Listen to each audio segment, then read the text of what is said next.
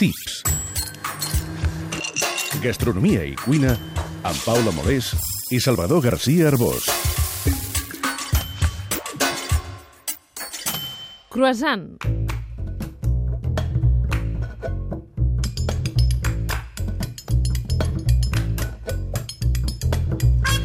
Queda algú que no hagi menjat mai un croissant per esmorzar?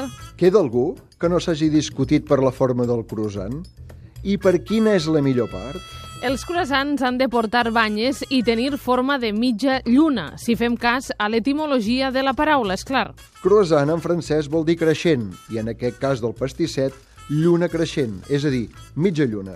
També fan croissants sense forma de croissant. Si les banyes no giren en forma de mitja lluna, no haurien de dir croissants? Clar que són croissants. I a més, moltes pastisseries i forns de pa usen precisament la forma per diferenciar-ne la composició. Els de mantega semblen sempre més llaminers, atractius, amb una clara intenció de mostrar-ne el glamour necessari per acompanyar un esmorzar romàntic. Amb mantega se va fer a la refinada Viena un pastís per celebrar la victòria contra els turcs amb al·lusió a la mitja lluna de la bandera turca. Era finals del segle XVII. Va esdevenir una menys imparable a partir del 1770, quan va arribar a França de la mà de Maria Antonieta d'Àustria, de la qual no cal recordar que va morir decapitada com el rei del seu marit.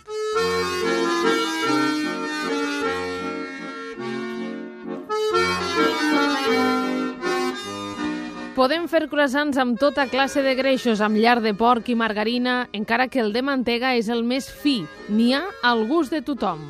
I banyats amb les puntes de xocolata, blanca o negra, o de blanca i negra. I farcits de xocolata i cremes de tota mena, de gerds, de ganalls de té verd, I amb formatges dels bons i dels horrorosos. i de pernil, dolç i salat, del bo i del dolent, I de sobrassada. i de tota mena de confitures. I de massa pa. Hi ha croissants amb la pasta laminada cruixent, que se desfulla de les banyes fins a la part del mig, i amb aromes seductores de mantega de llet de vaques alimentades en prats deliciosos. I n'hi ha d'embafadors, remullits, humits, mal fullats, amb la pasta que fa bola, pintats amb un almíbar enganxifós i amb molta pudor de llet d'engreixar vedells. Els croissants han de ser fets amb amor, ofici i matèries primeres de primera.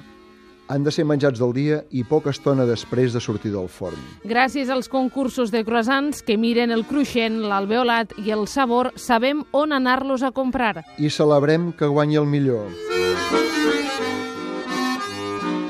La versió escrita del Tips la podeu llegir a la revista Cuina.